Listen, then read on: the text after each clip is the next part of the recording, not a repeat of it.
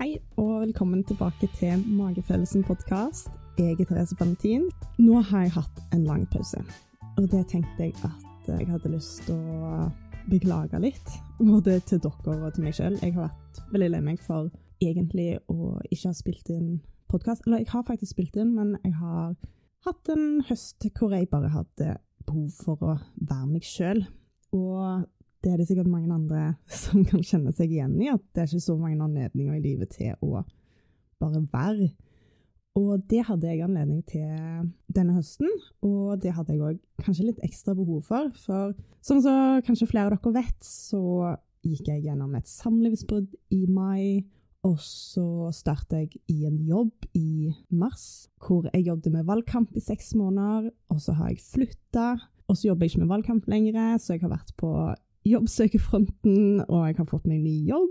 Og da tenkte jeg istedenfor bare å hoppe inn i en ny jobb, så har jeg lyst til å jobbe litt med meg sjøl og legge ting bak meg.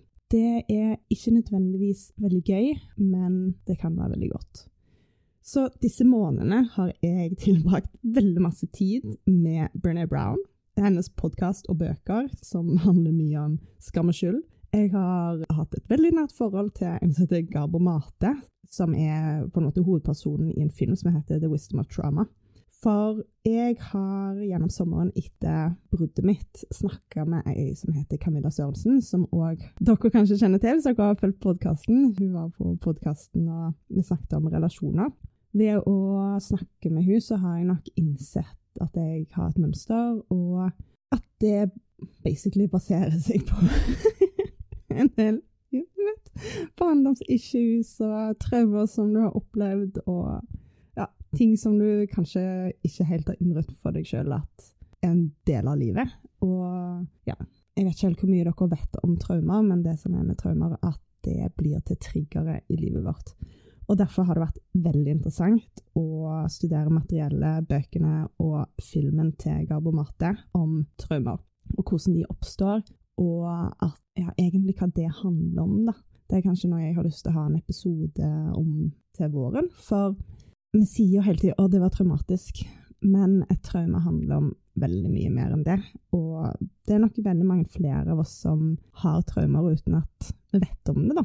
Og at vi later som at alt er greit, og bare liksom skyver ting unna, eller har triggere, og så forstår vi ikke helt hvor de kommer fra. Dette har vært veldig spennende. Så det brakte meg videre til noe som heter EMDR-behandling, som er egentlig en traumebehandling, som òg har vært veldig, veldig spennende. Og så, øh, når jeg jobbet med traumer, så tenkte jeg ok, men da er det jo fint å jobbe med noen som òg kan hjelpe meg litt sånn tilbake på track, da. Så nå jobber jeg med en som heter Sindre Jacobsen, som øh, ja, har egentlig hjulpet meg med å se mine egne verdier. Og det er ganske interessant, for jeg har ikke jobba med han så lenge men allerede nå så forstår jeg hvorfor korona ble så innmari tungt for meg. Det å være stengt inne og ikke kunne møte folk, og være så begrensa. For min sterkeste verdi, det er å være sosial. Så det å være begrensa til egentlig en periode kun min eks, da, og være så mye hjemme, det passer ikke meg helt. Og det har jo selvfølgelig trigga fram litt forskjellige følelser nå, og litt panikk nesten, nå når de begynte å snakke om at vinteren kan bli lik som i fjor. Men da er det jo to måter å håndtere det på. Det er jo å tenke å, jeg kommer til å dø, liksom. Det, det kommer jeg ikke til å overleve, jeg vet ikke helt hvordan jeg skal fikse det. Eller så kan jeg tenke OK, hvordan skal jeg unngå at det skjer på ny? Og det er jo det som er så interessant, å bli kjent med seg sjøl og ta tak i det du virkelig har behov for.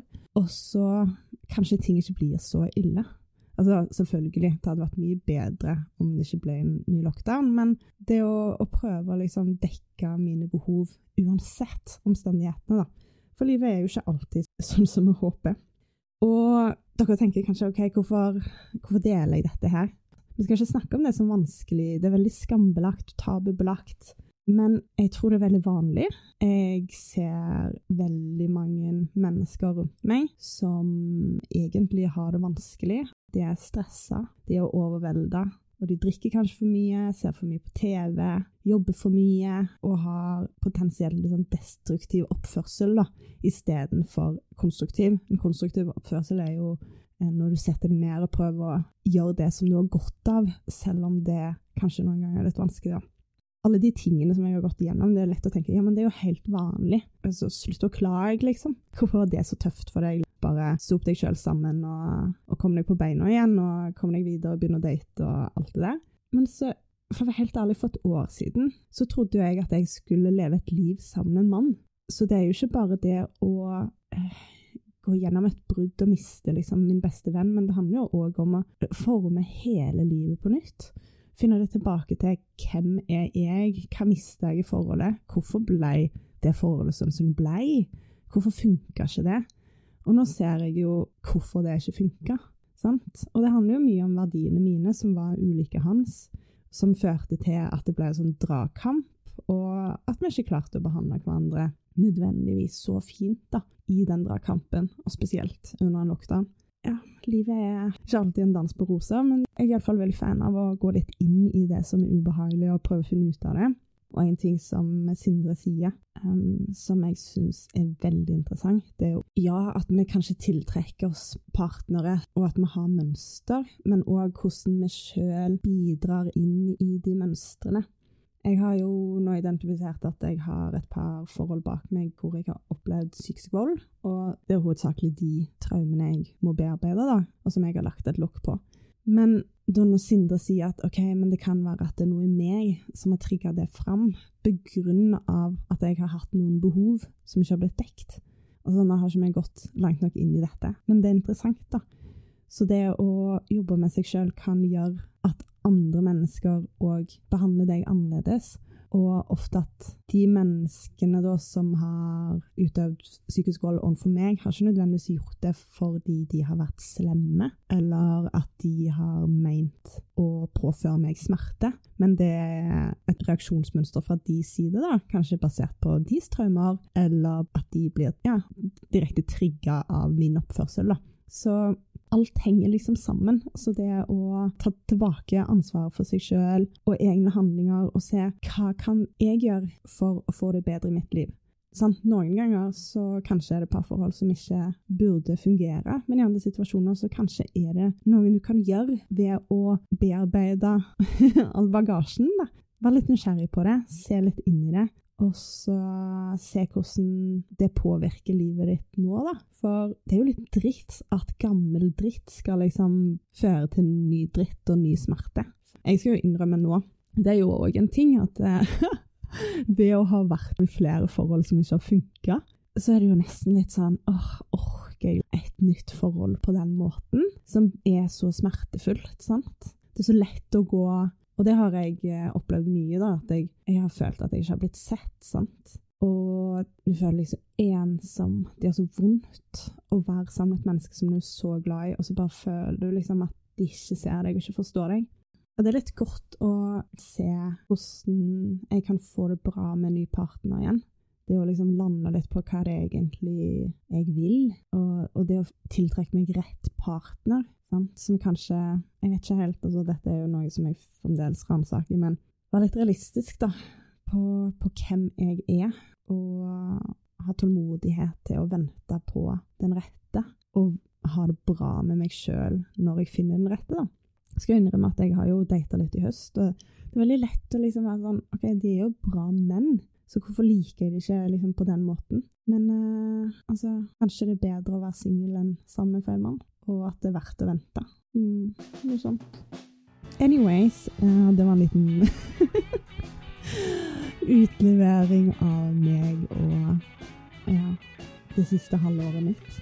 Men jeg vet at hvis dette her forblir tabubelagt å snakke om sånn som dette ting, så kommer det til å bli veldig tungt for mennesker. fordi at akkurat nå oppe i koronatiden så er jeg helt sikker på at folk flest egentlig har det litt møkk på en eller annen måte.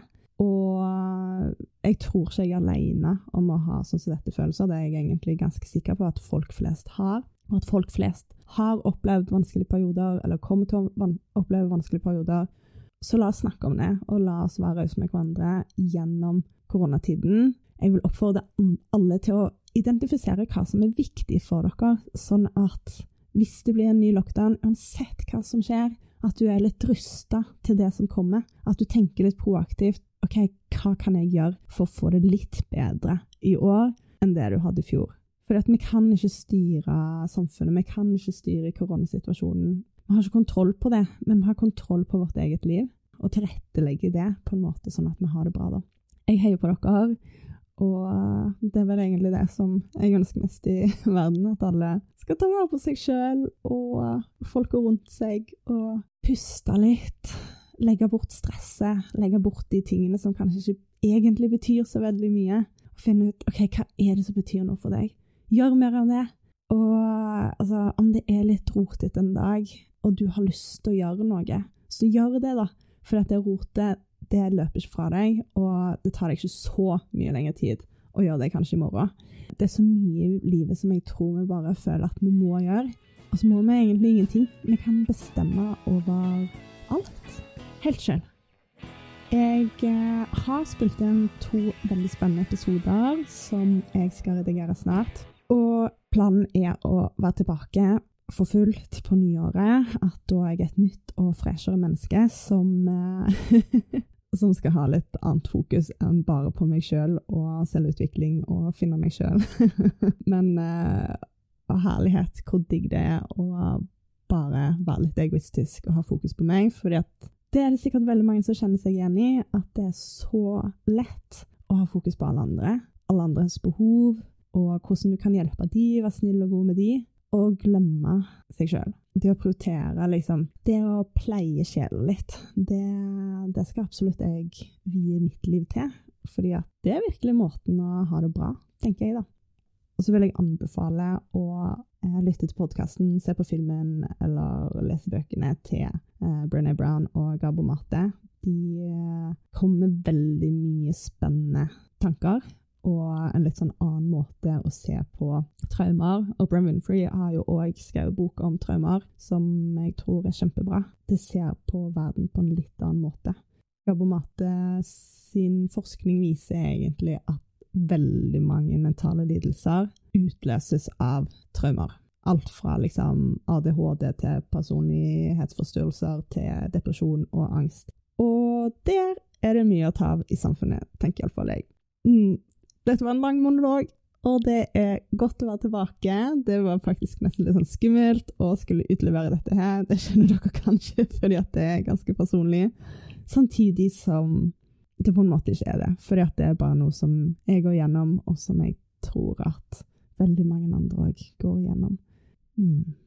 Jeg kommer til å legge ut episodene som jeg hadde med Katrine Aspaas i fjor høst. Og det er to episoder som jeg bare vil anbefale alle til å lytte til. De er veldig relevante, egentlig relatert til det jeg jobber med nå. Katrine Aspås er jo òg veldig inspirert av Brené Brown.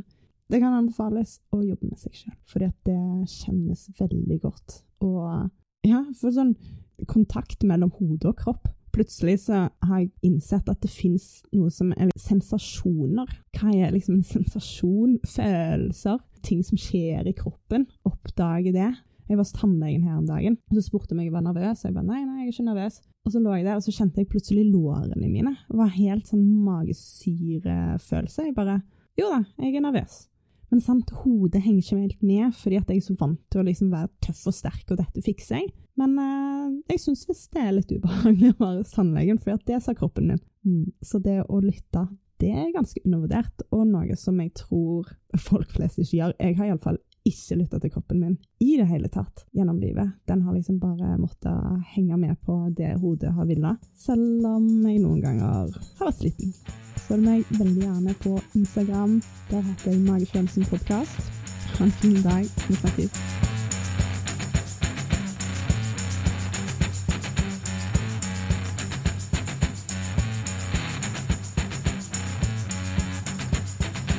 Strong men cry, bold women weep.